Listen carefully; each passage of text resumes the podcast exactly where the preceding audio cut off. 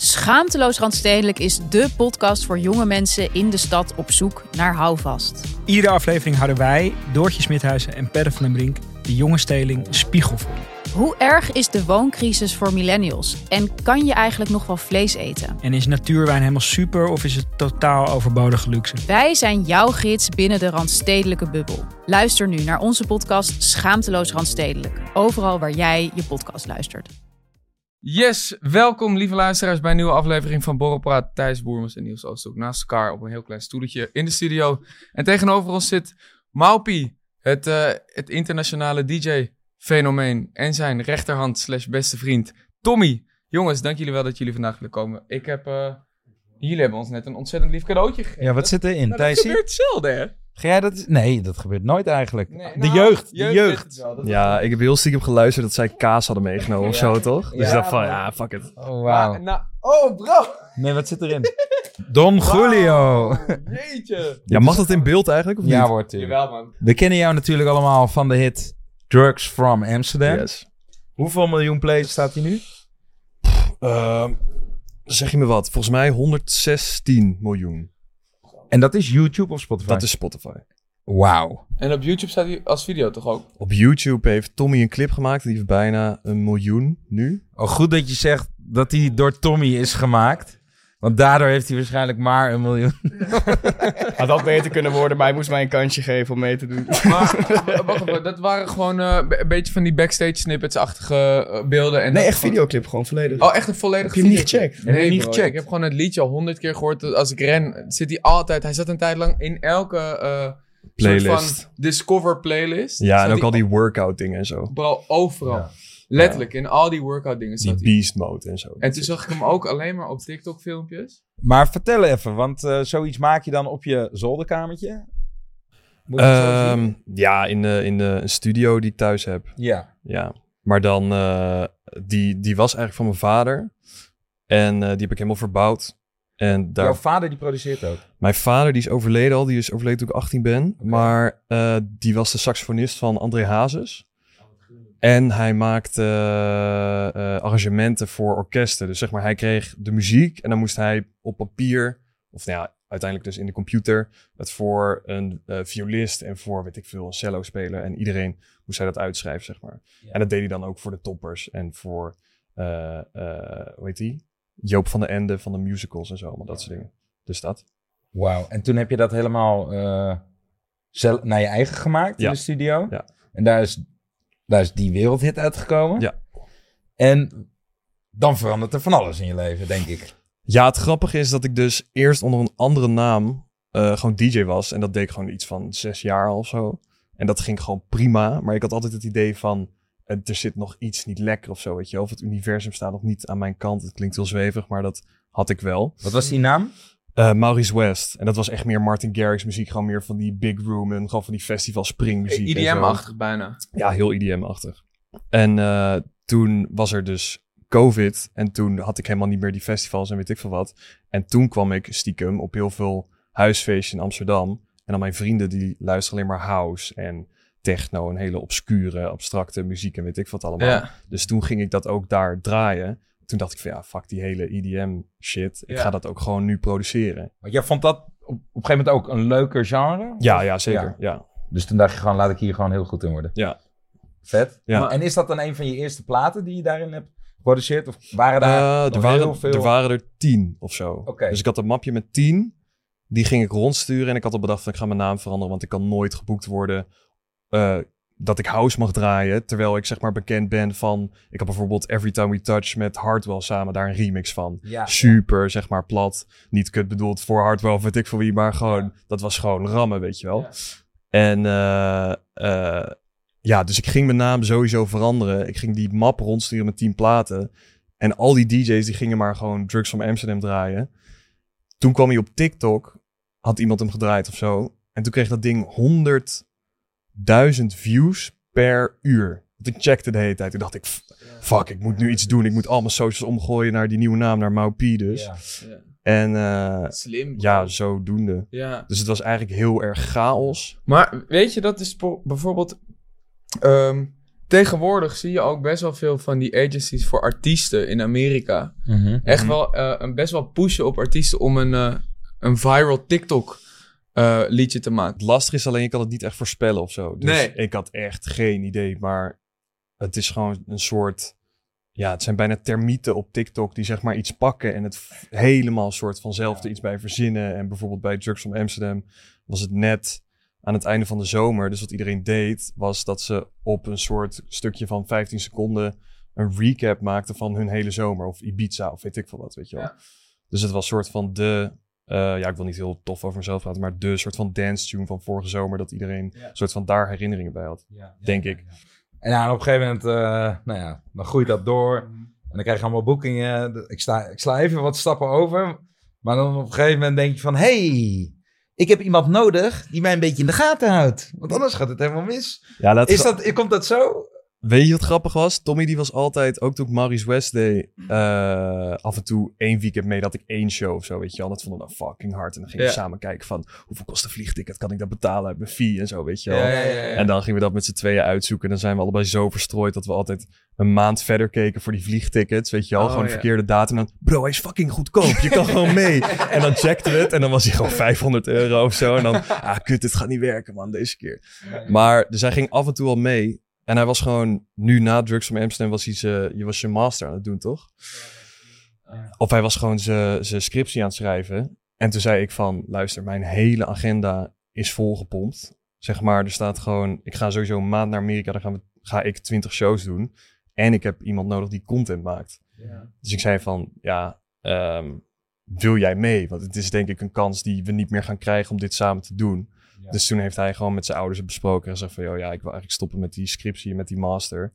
En gewoon dit gaan doen. Maar Tom, je Ja. bent dan, eh, heb, je, heb je je masterscriptie nu op pauze gezet ook? Ja, die staat op pauze. Jezus. Maar Maar ik vind dat dus super hard, hè? Ja. Ja. Het getuigt echt van, van goede vriendschap, vind Ja. ik dat. Ja, we hadden al sowieso toen we volgens mij 15, 16 waren, al heel vaak in de studio bij jou, dat we dan kleine dingetjes gingen opnemen voor YouTube. Echt de allerslechtste dingen die Ja. ik nog op mijn Google Drive heb staan. Ja. Dat we een programma Dat gingen moet je eigenlijk ooit nog delen. Ja, ja, ja. We, gaan, we zijn Wordt ook- super hard. we zijn aan het nadenken over een documentaire ook, om dat daar allemaal in te verwerken. Ze hadden echt uit he- heel veel jaren geleden nog allemaal content. Ja. En, ehm, en toen zeiden we al van, bro, als je, als je ooit een plaat maakt of doorbreekt of zo, dan gaan we dat gewoon samen doen. En een Ja. andere hele goede mattie van ons is ook manager nu. Altijd al geweest eigenlijk. En jij bent officieel tourmanager? tourmanager, ja. En videograaf en fotograaf. Wauw. Wat hard, bro. Word je ook drie keer goed betaald? Wat? Nee. Ik knijp hem helemaal uit.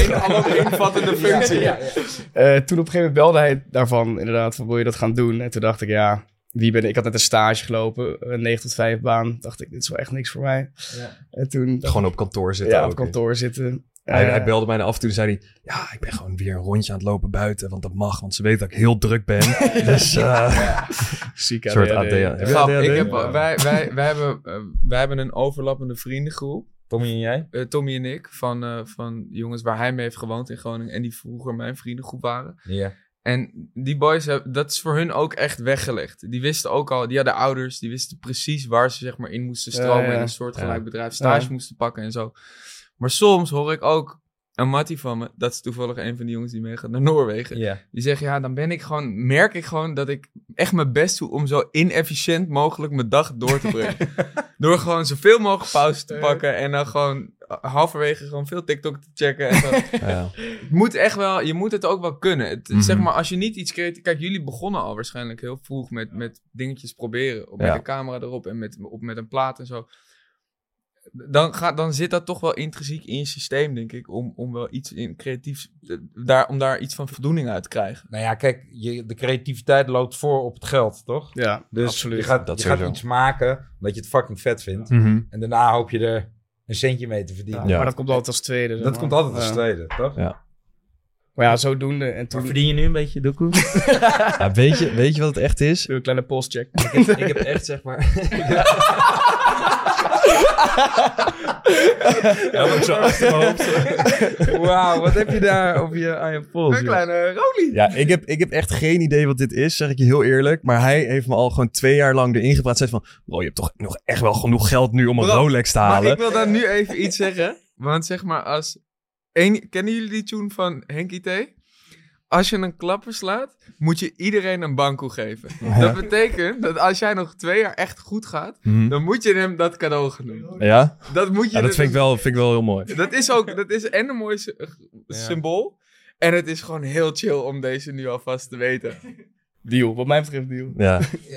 Nou, ik vind het goed. Ik vind het alleen maar vet. Maar ik heb, er, ik, heb er dus, ik, heb er, ik heb er dus echt geen verstand van. Want hij heeft me geholpen. Hij heeft me meegenomen naar zo'n winkeltje hier in de negen straatjes. Waar ze gewoon van die vintage horloges Ja, verkopen. ja.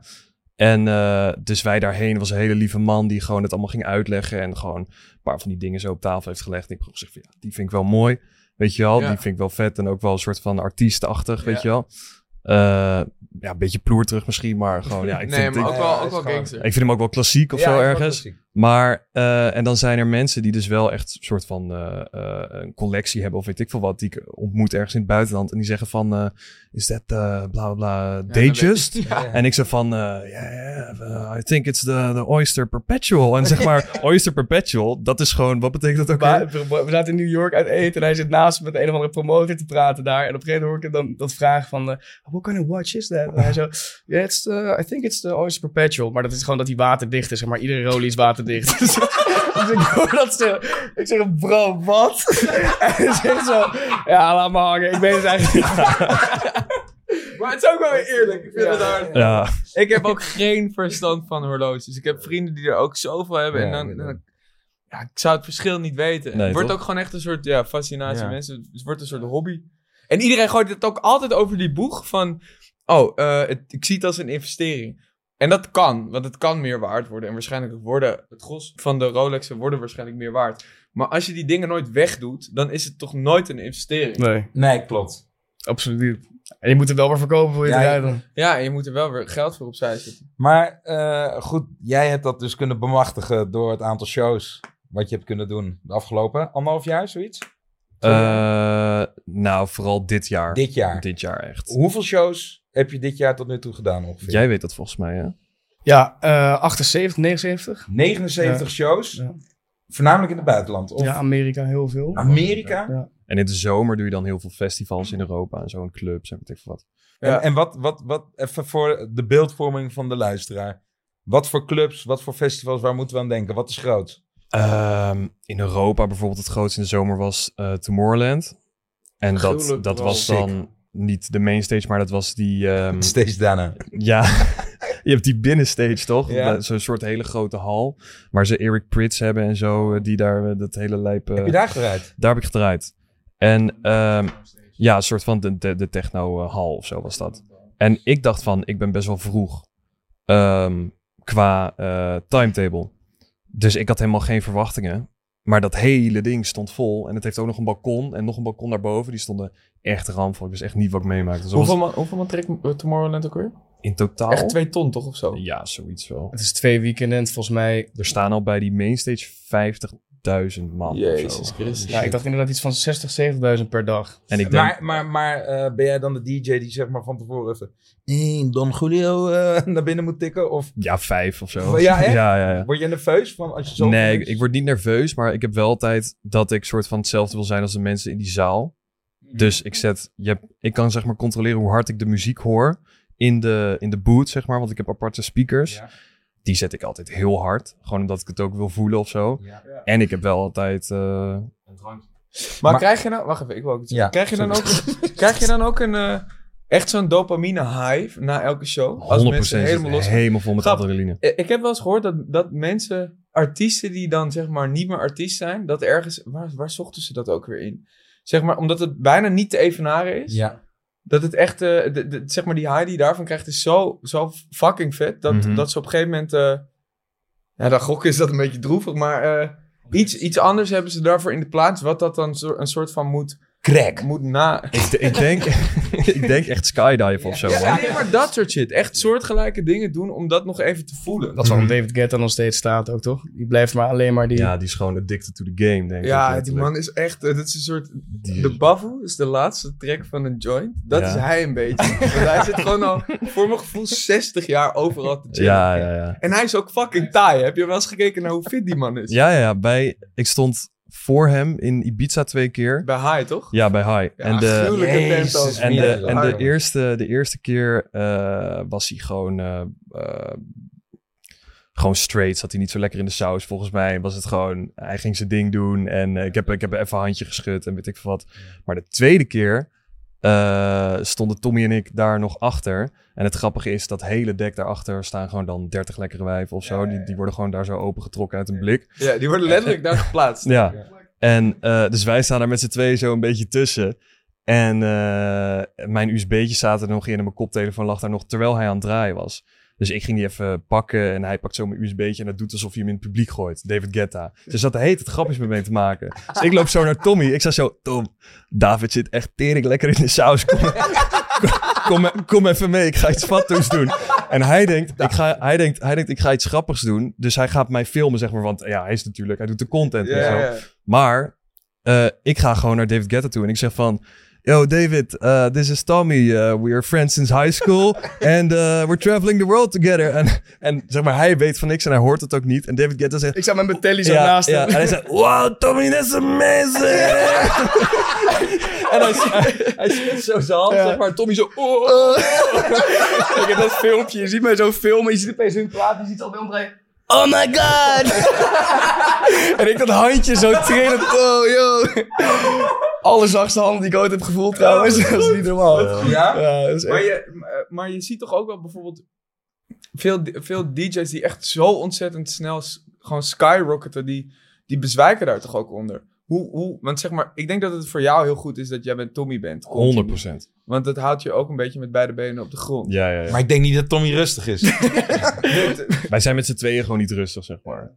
Dat sowieso. Maar, ik denk dat het heel flex is om, om na alle... Er is natuurlijk heel veel, fucking veel hectiek en geschreeuw. En iedereen Ja. wil aandacht van je. En Maar iedereen- wij kunnen altijd in het Nederlands zeg maar, daarover praten, weet je wel. Nederlandse nuchterheid helpt ook, Ja. hè? Ja, Ja, dus zeg maar, als je met de hele groep bent en het zijn allemaal rare mensen, dan lopen wij gewoon vast van, oh, die guy is echt tering raar, man. En dan kan je het gewoon even bespreken en dan eh, is er niks aan de hand. Ja, en ik denk sowieso dat het Nederlands zijn... Ook, we horen best wel vaak feedback van eh, shows. En dan hoor je best wel vaak dat mensen zeggen van...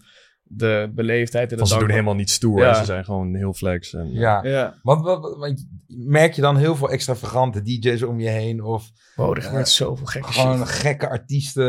Ja, ja, 100%. Maar ik denk ook bij mezelf dat als alles wat dit jaar is gebeurd, als het was gebeurd vijf jaar geleden of zo, toen ik echt begon met draaien, dan had, was ik ook helemaal de weg kwijtgeraakt. Sowieso. Want zeg maar, dan weet je helemaal nog niet wat wat is en wat de valkuilen zijn en eh, eh, zeg maar wat je wel en niet moet doen. Wat moet je Ja. niet doen? Je moet sowieso niet stoer doen. En ik heb geleerd dat als je tegen iedereen aardig bent en ze gewoon netjes behandelt, dat, dat je het allervers gaat brengen. Want als mensen achter je rug om het gaan hebben over hoe kut je bent, dan ben je gewoon klaar, zeg maar. Ja. Maar er gaan ook mensen achter je rug om zeggen van... eh, Maurits en Tommy, die zijn zo fucking gezellig en lief. En zeg maar, dat gaat gewoon zich verspreiden, weet je wel. dus ja. ja. we komen ook wel eens in een club en dan hebben we gehoord van... Ja, die artiest die daar stond, die een beetje in jouwzelfde eh, eh, kaliber zit... die mag hier nooit meer komen, want die heeft hele rare shit gedaan of zo. Of mensen, mensen uitgescholden. Of Ja, die, die. Ja. ging zich gewoon veel te verheven gedragen. ja. En ik denk gewoon, naast al die gekte, altijd als wij dan weer terug zijn op de hotelkamer of zo, of in het hotel, is het wel heel relaxed om alles een beetje te relativeren. En ehm, ehm, ja, na te spreken. En niet meer die. Uiteindelijk wil iedereen iets van hem de hele tijd. Mensen die het echt willen, zeg maar, die echt eh, wel goed zijn. Maar ook mensen die, waarvan ik denk van, oeh, ik denk dat jij niet helemaal eh, het juiste. Kosher bent. Ja. Hey Thijsie, we hebben de afgelopen weken ontzettend veel bijnamen binnengekregen voor een Heineken biertje. Hè? Omdat er nu allemaal van die biertjes in de schappen liggen en er staat dan een bijnaam op het etiket. Ja, klopt. En nu hebben wij de luisteraars gevraagd of ze ook wat bijnamen kunnen insturen. Zodat we daarmee Heineken een beetje kunnen inspireren voor nieuwe namen op dat, eh, op dat flesje. En we hebben echt hele leuke suggesties binnengekregen. Ik heb een hele waslijst binnen. Nou, Ehm, noem even wat. Taptranen, Ja? cafeïne voor 's avonds, bierbeloning, schuimsmul, vaatjesvreugde, tapjuweel, geluksdrank, bruisballen, een bierbubbel. Maar de mooiste vind ik wel eh, vloeibaar goud. Vloeibaar goud. Ja, Ja, die vind ik ook goed. Sowieso kregen we heel veel binnen met, eh, met goud daarin, hè? ja. Nou ja, het gele goud heb je natuurlijk. Goudgele rakker. Het groene goud. Maar weet je eigenlijk wat ik de allerbeste vond? Nou, Dat is die van Rick Broekie. en die kwam met 33 karaats goud in een flesje van 33 centiliter. Geweldig. Die is goed, hè? Ja, die is top. Die had ik ook nog nooit eerder gehoord. 33 karaats goud. Misschien moeten we die koffer maar aan hem gaan geven. Ja, deze koffer gaat absoluut naar Rick Broekie. Dus Rick, als je zit te luisteren, eh, ontzettend gefeliciteerd met de fantastische reiskoffer van Heineken. Eh, wij gaan even contact met je opnemen op TikTok en dan zorgen we dat hij zo snel mogelijk jouw kant op komt. Jullie hebben, hebben jullie partners? Tommy is een beetje mijn vriendin, heb ik Ja, al. dus jij bent, jij bent alle vruchten echt volledig aan het plukken. Ja, in het begin moet ik zeggen dat het, het- Voor mij was het heel nieuw allemaal, want ik had dus wel shows meegedraaid met Mau. eh, vroeger, maar niet in deze gekte. Dus niet in, op dit niveau ook. Want we zitten uiteindelijk wel waar we nu op meedraaien. Van Tomorrowland tot EDC Vegas tot aan ehm, Ibiza. Dat zijn wel ja, in de DJ-wereld de hoogste niveaus, zeg maar. Dus het was voor mij een vrij, eh, nou ja, niet cultuurshock, maar wel allemaal nieuw. We hadden, het, we hadden het hier gisteren nog, of eergisteren nog over, maar het is gewoon zo eng, vooral in Amerika, hoe eh, strategisch chicks ermee omgaan, hoe ze een soort van artiesten willen bereiken. Ik heb laatst, laatst kwam ik, het is niet mijn doelgroep, maar ik, ik kwam, het, ik kwam het wel tegen op TikTok. Maar er was een chick die ging uitleggen, een stappenplan, hoe je backstage kon komen. Bro. Ik, Ik weet niet of je dezelfde hebt gezien, Nee, maar... nee, maar ik heb wel echt verhalen gehoord van, van, van artiesten en ook van, van eh, atleten die gewoon echt eigen condooms meenemen omdat condooms worden lekker geprikt. Ja, bro. Dat is Gewoon puur om bezwangerd te worden. Oh, yo. Ik heb dat soort verhalen ook gehoord, ja. Dat is, en dat, is- het is ook niet vanuit één hoek heb ik dit Nee. gehoord, zeg maar. Je moet er echt... En is, de- Amerika is veel lijper wat dat betreft dan Europa. bijvoorbeeld. Amerika, zeg maar, is, eh, sommige mensen denken nog dat, dat, dat die juist heel preut zijn, maar dat is echt Totaal anders. Ja, ik dacht dat ik echt veel shit had gezien in die studententijd. Maar dit sloeg alles gewoon te boven. Het was, We hebben op een gegeven moment een college tour gedaan. Eh, Nou, dit is gewoon American Pie, heb je vast wel gezien. Ja, het is ja, gewoon ja. dat keer tien. Het staat echt nergens op. En we hadden een heel lekker teampje uit Amerika. Die had een college tour voorbereid. Amerikanen, jongens van 22. Die zaten zelf ook op, ehm, op een college uit LA, volgens mij. Het zijn En- die freds, zeg maar. Ja, die freds. sororities en shit. Ja, heerlijke mannetjes. En zij appte dan 's ochtends... Oké bro, next show up. It's gonna be Arizona State University. Girls 10 out of 10. en dan zo, the theme of the night, Baywatch. En wij zo, oh. En je komt daar aan en dan is het een pool, poolparty gewoon. En al die, al die eh, chicks in gewoon rode eh, bikinis en badpakken en zo. En eh, Ik kwam letterlijk oplopen voor hem om, om de USB's erin te doen. Voordat hij er zeg maar, nog achter liep. En ik sta daar dat ding erin te doen. En ik word gewoon toef bij mijn pik gegrepen. ik zo, wat? ja, kloen. En ik zo, huh? En zij zo, hey. Ik zo, what the fuck? I'm working. Wat hebben we erin? Je zou het maar omdraaien, gehad. Dan ben je gewoon klaar als gast. Ja, Maar- ja, ja, ja. Bro, Amerikanen versus Europeanen zijn zo anders aan Ja. het feesten.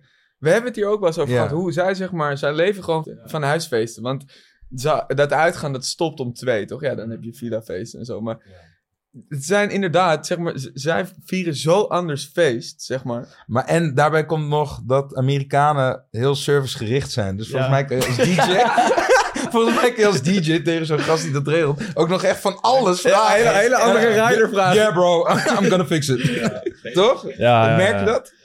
100%. Maar dat is sowieso een beetje het ding binnen... Niet alleen Amerika ook, maar volgens mij vinden promotors het heel mooi om jou inderdaad van alles te voorzien. Precies, precies. Dus gewoon van los van de drankjes vindt hij het Ja. ook heel leuk om, eh, om zeg maar tien eh, letterlijk hoeren in je kleedkamer neer te zetten. Ja. of zo. Ja, want ik had, ik had een keer zo'n, eh, echt in mijn studententijd, een vriend en die was van een club in Utrecht, was die, eh fixte die alles. Maar er kwamen van die internationale DJ's, zoals Villa Lobos, André Galucci, maar allemaal van die space uit Duitsland. En dan, nou, dan kwamen die aan. Ze zei, hey, what, what do you want to do? En dan dacht hij al van, nou, eh, sowieso dat hij drugs wil hebben, Ja, en weet ja. ik het allemaal. I just want to play the PlayStation.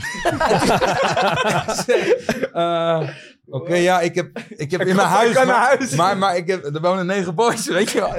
Do you mind? Do you mind? Weet je wel, dat ik met negen andere gasten gewoon in, in een studenten... Oh ja? En ze, I don't mind, I just want to play the PlayStation. dus, en toen, toen kwam hij binnen met Villa Lobos en nog een mattie van hem. Die zaten gewoon de hele tijd de PlayStation. En op een gegeven moment moest er toch drugs gehaald worden. Ja, ja, maar het is, Maar dat- het is ook wel een soort van rust, toch stilte voor de storm. Ja. Of was het daarna? Nee, het was ervoor. Ja, toch? We hadden wel in het begin, weet ik nog, toen, het allemaal, toen we net een beetje begonnen met dat toeren. Dat op een gegeven moment worden opgepikt door, het vliegtuig, eh, door zo'n pick-up dan. Die haalt je dan op van het vliegveld en dan breng je naar het hotel toe. En daarna ga je even douchen, dat soort shit halen ze je op voor de club. En eh, die zaten zo in de auto in Amerika was dit en zeiden... Do you want vitamins for tonight? en ik dacht, nou, we hebben een week Hij zei shit- zo van, ja, no, no, I got my own vitamin C. Ja, I ja. brought it with me. Zij zo, maybe banana or apple, zoiets. Zei zei zo, en ik zo, nee, of je drugs wil, mogol. Ik had toen echt nog niet door wat, wat ze bedoelden. hadden. Hey, Ja. maar, eh, jij gaat je eigen show hebben met ADE. ja, Dat is gruwelijk, bro. ja, Hoeveel oktober is dat? 18. 18 oktober. 18. Ja. En waar? Woensdag is het bij Thuishaven. Bij Thuishaven, Ja. dat is jouw eigen feest. Ja, het is, het is die lood, zeg maar, links als Ja. je Ja, binnenkomt. dik. Ja. Voor onze diehard fans eh, die Borrelpraat Extra al enige tijd luisteren. eh wij hebben de manager van Maupi en, eh, en Tommy gesproken. En die eh, zijn zo lief geweest om de kans te geven aan ons om twee kaarten weg te geven voor de show van Maupi bij Thuishaven. Dus wil je dat winnen, dan eh, moet je dat even invullen onder bij Borrelpraat Extra. Ja, dus moet je eerst abonnee worden. Ja. Maar goed, goed, dat zijn er ook al een paar, dus dat wordt Ja. sowieso leuk. En dat zijn mensen uit Amsterdam. Mooi. Ehm, en vind je, dat dan, vind je dat dan leuker, dat je dan nu je eigen show in Amsterdam krijgt? Eh, nou, Nederlands is best wel moeilijk qua, mm, eh, qua shows. Gewoon. Dus eh, in Amerika gaat het heel snel. In Amerika, ja, dat is gewoon. eh, daar kan je iets, denk ik, volgens mij makkelijker verkopen. Dus ook jezelf. Ja. Ehm, en in Nederland zijn mensen gewoon, denk ik, kritischer. Ehm, dus wat ik zag in het begin van dit jaar was dat ik heel veel shows had in Amerika. Maar bijvoorbeeld in Nederland begrepen mensen nog niet dat ik ook heel soort van underground en credible en house kon draaien en zo. Ja, maar goed. Dus ik vind, het, ik vind het heel vet dus om nu dat thuishaven te kunnen doen voor eh, duizend man. En dat het ook nog lukt, zeg maar. Want dat wisten we ook niet van tevoren. Nou ja, ik bedoel, ja, puur omdat je denkt dat je, dat je bekendheid voornamelijk eh, buiten Nederland ligt. Eh, nou ja, dat groeit wel hier, zeker. Maar zeg maar, in Nederland wilde ik heel erg oppassen met dat ik wel het juiste publiek aantrek. Ja. Want daar ben ik best wel een soort van specifiek over. Dus in Nederland wil ik heel graag draaien voor de mensen die eh, best wel muzikaal onderlegd zijn. Of in ieder geval echt van house muziek houden en techno en weet ik veel wat.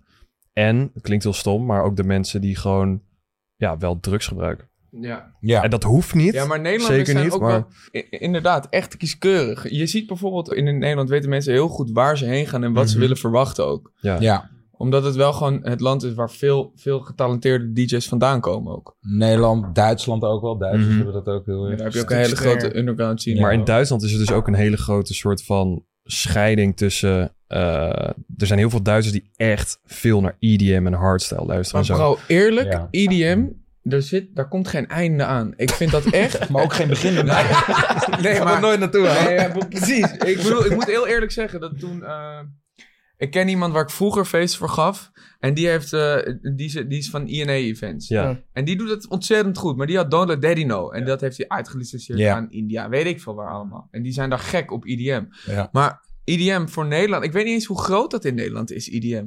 Toch zit dat helemaal vol als het helemaal komt. Als, je er- hebt, als je hebt nog bijvoorbeeld wel een, een Mysteryland en zo. Maar Dat bijvoorbeeld... is volledig E EDM?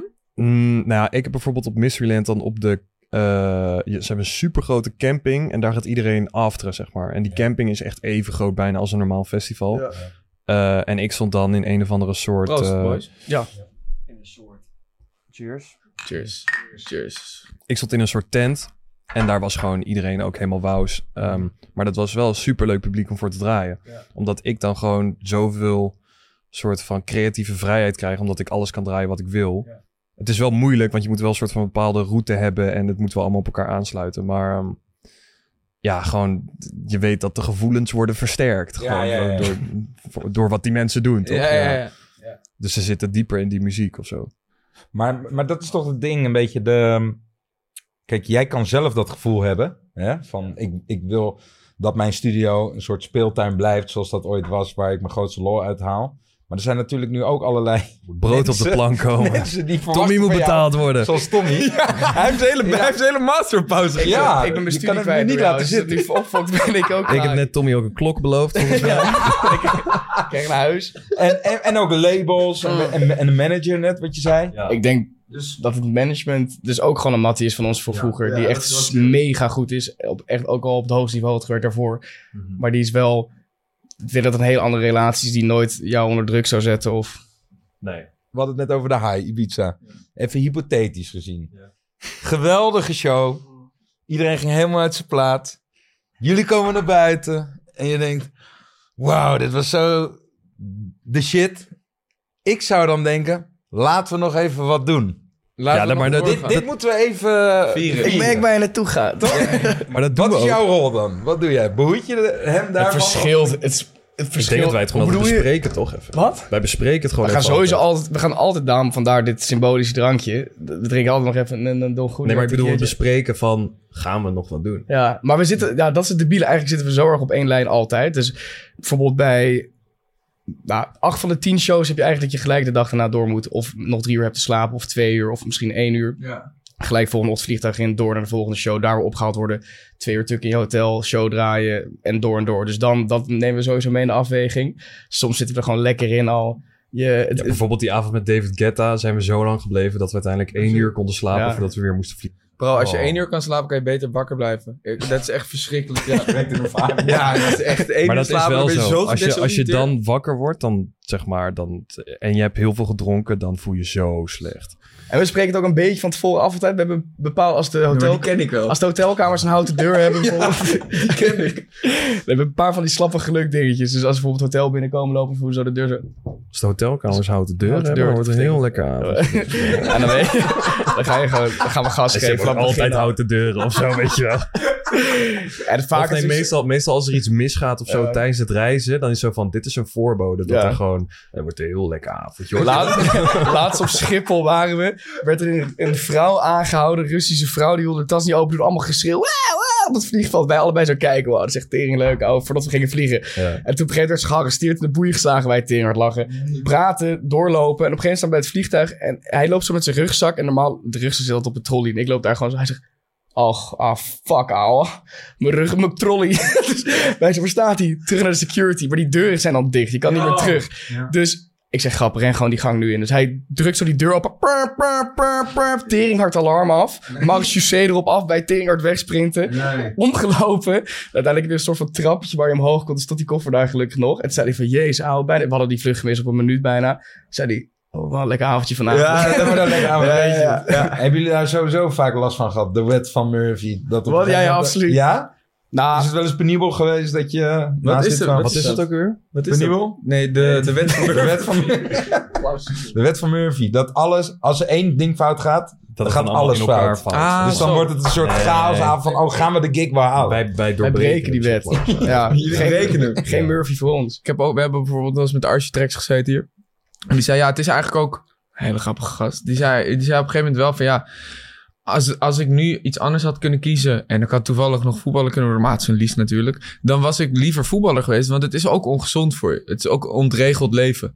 Waar je, zeg maar, nachturen maakt en weinig slaapt. En dat kan op een gegeven Dat moment is, ook... dat is misschien wel het enige nadeel inderdaad, slaap. Ja, maar dat klinkt, Slaap, het klinkt ja. heel leuk. Het, en het, het zal waarschijnlijk ook heel leuk zijn. Van hot naar erger. Maar uiteindelijk is het ook irritant als je echt kut slaapt de hele tijd. Ik denk slaap en ook wel heel erg je privéleven dat je niet meer hebt. Want je ziet gewoon je matties nooit meer. Eh, Je familie zie je bijna niet. Als je echt veel op tour bent. Dat hadden we de eerste paar maanden heel erg. Nu zijn we veel in Europa bezig, dus nu zie, zie je ze wel vaker. Maar je geeft er wel echt veel voor op.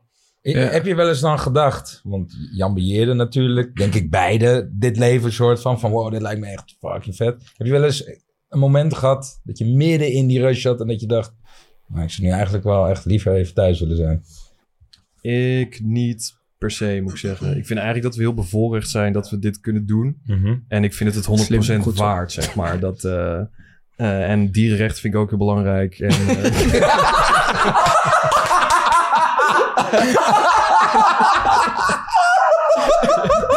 Jij weet dat alle boekers mee zitten te luisteren.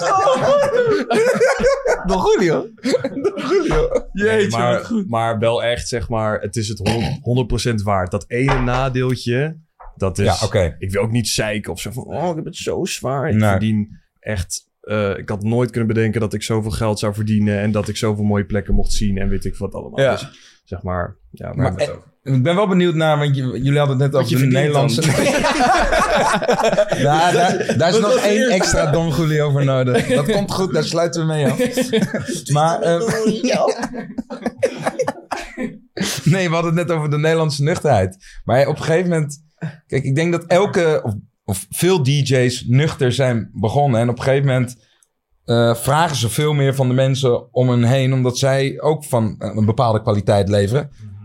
Denk jij dat je die nuchterheid dan kan vasthouden? Ik kan me wel voorstellen, dat je op een gegeven moment als het geluid niet goed is in een zaal, dat je para wordt. toch? Ja, ja, er is wel een bepaald minimaal niveau waarop je wil werken. Kijk, het is gewoon wel mijn werk. Dus als er bijvoorbeeld... Als ik in een hele goede club kom en het geluid is slecht... dan denk ik van, ik kom hier mijn werk doen... en ik ben er speciaal naartoe gevlogen... en ik eh, steek heel veel moeite in die mensen hier de leukste avond van hun leven bezorgen. Dan kunnen die, die zeg maar, de, de technical eh, van de club... die kan er wel minstens voor zorgen dat ik mezelf goed kan horen... dat de zaal mooi geluid heeft en weet ik veel wat. Dus dat is laatst gebeurd dat ik begon te draaien. En toen de gozer achter de knoppen, die, eh, die zet gewoon letterlijk het per ongeluk het geluid naar het publiek op mute. Dus ik begin met draaien. Ik denk van ja, het, eh, ik, ik, ik, draai zo mijn bootmonitoren uit en al het geluid is weg. En ik kijk zo om me heen en zeg maar, dan, dan, ja, dan moet je eh, rustig blijven en eh, het gewoon professioneel proberen te fixen. Maar dan heb ik wel zoiets van, dit vind ik geen arrogantie van mezelf als ik Nee, gewoon nu zeker even erom vraag of dit geregeld kan worden. Ja. Dus, dus rustig blijven en niet zoals 50 Cent en Cardi B opeens een mic strepen naar iemand. Maar ik snap wel dat je boos kan worden, Ja. zeg maar. Maar ik heb, denk ik, eh, ik denk dat wij het allebei hebben. Dat het, het zit gewoon niet in mij of zo om echt arrogant of, of Nee. echt boos te worden op mensen. Daar word ik zelf gewoon awkward van of zo. Je kan het wel, bijvoorbeeld ook laatst bij een show dat de muziek één keer uitviel. Ja, in Duitsland. hè. In Duitsland was van, oké, dat is wel heel gaar als dat gebeurt. Dat is hetzelfde als je met een lekker voetbal moet voetballen, zeg maar. Dat is echt het mini-minimale Ja. te fixen. Ze denken allemaal dat jij het hebt gedaan. Ja, dat ook. Het publiek Dat denkt ook- dat lijkt me het ja, ja, ja, dus het publiek denkt dat hij op een verkeerde knop heeft gedrukt. Ja. En toen keek ik zo naar die gozer toen zei ik van... Maar die wist natuurlijk van dit, dit kan niet. Dus die was ook heel erg in de stress. Toen gebeurde het een uur later nog een keer. En toen zei ik wel van... Don't let this happen again. Ja. En toen wist ik wel van, oké. Het is, toen keek je naar jou dat hij jezus. Bro, die gozer dat ga ik niet nog een keer 1,30 doen. ik stond zo klaar. Oké, Nee, eh, deze valt uit. Oké, nou heel duidelijk, eh, jongens, we moeten hem afsluiten. De lampen beginnen aan te vallen. dus dat is altijd een soort van. Ja. Elektriciteitstimer is op. Dus nogmaals, eh, ja, wij willen ook evenveel geld verdienen als Maupie. Steun ons. Abonneer op Borrelpraat Extra. De link staat in de show notes. Ik wil toch even afsluiten met die ene laatste vraag. Hoeveel doekoe maak je nou? Ja, wil je dat echt weten? Nee man, dat boeit me echt geen reet. nou ja, kijk, eh, ik ben opgevoed dat je niet vraagt naar iemands portemonnee. Dus dit was ook echt een grap. Dus alsjeblieft, vraag nooit Je weet het dat. volgens mij niet eens 9 van de 10 keer. vaak weet ik niet. Dat betekent dat hij genoeg geld verdient. Ja, ja, ja, genoeg. Het is ook weer zoiets klootzakkers. Ja, ik weet het niet eens vooral. Als je echt, echt rijk bent, op een gegeven moment kom je over zo'n ding heen. En dan, vooral heb ik dat bij oude mannetjes, die zeggen dan van... Ja, ik heb helemaal geen geld meer, toch? Daar ben ik dan niet. Ik- weet je wat iemand zei? Iemand die, die goed is voor 600 miljoen. Toen vroeg een, een, een vader van een van die kinderen, die vroeg... Maar hoeveel maak je dan, joh? Want hij had het helemaal lijp uitgepakt en zo. Ja, hoeveel maak je dan? Hoeveel, wat bedoel je? Ja, eh, ja je, je moet wel enorm veel geld hebben om dit allemaal te kunnen bekosten. Nou, ik ben net niet arm. Ah, of, of het antwoord, of het antwoord wat, is, wat is rijkdom? Ik ben gezond. Ik ben gezond en gelukkig. Hou je bek. Yes, jongens, dank jullie wel dat jullie er waren komen. Het was ontzettend leuk. Jullie bedankt. Graag gedaan. Het was heel gezellig. Oké dan jongens, ciao ciao. Ciao, ciao. Hoi. Bye.